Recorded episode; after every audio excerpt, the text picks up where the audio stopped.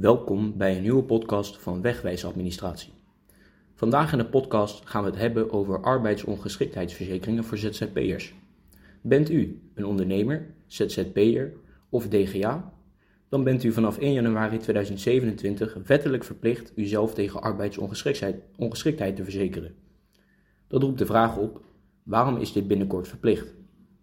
Deze AOV-verzekering wordt verplicht voor ondernemers en alle werkenden in Nederland. Dit om beschermd te zijn tegen de gevolgen van arbeidsongeschiktheid.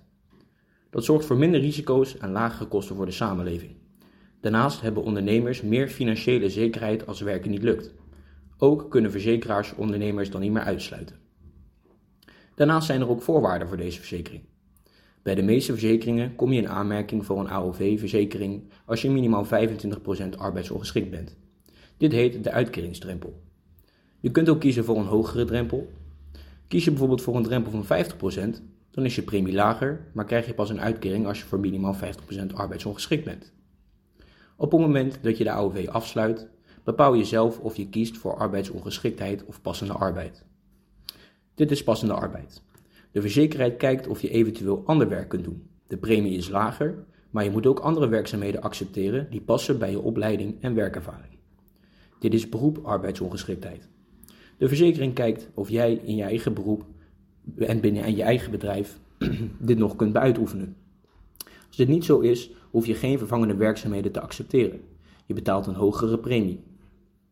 Er zitten natuurlijk verschillende voordelen en nadelen aan een AOV-verzekering. We hebben hier een paar voor u neergezet. De voordelen zijn: bij een arbeidsongeschiktheid kom je in aanmerking voor een uitkering tot een door jou gekozen einddatum. Je krijgt ziektebegeleiding door een speciale reïntegratiecoach. En de AOV-premie is aftrekbaar bij de inkomstenbelasting. Er zijn ook een paar nadelen.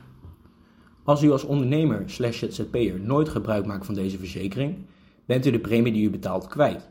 Je bouwt dus niks op. Daarnaast krijg je ook medische deskundigen of adviseurs die voor u bepalen of u ongeschikt bent en of u in aanmerking komt voor een uitkering.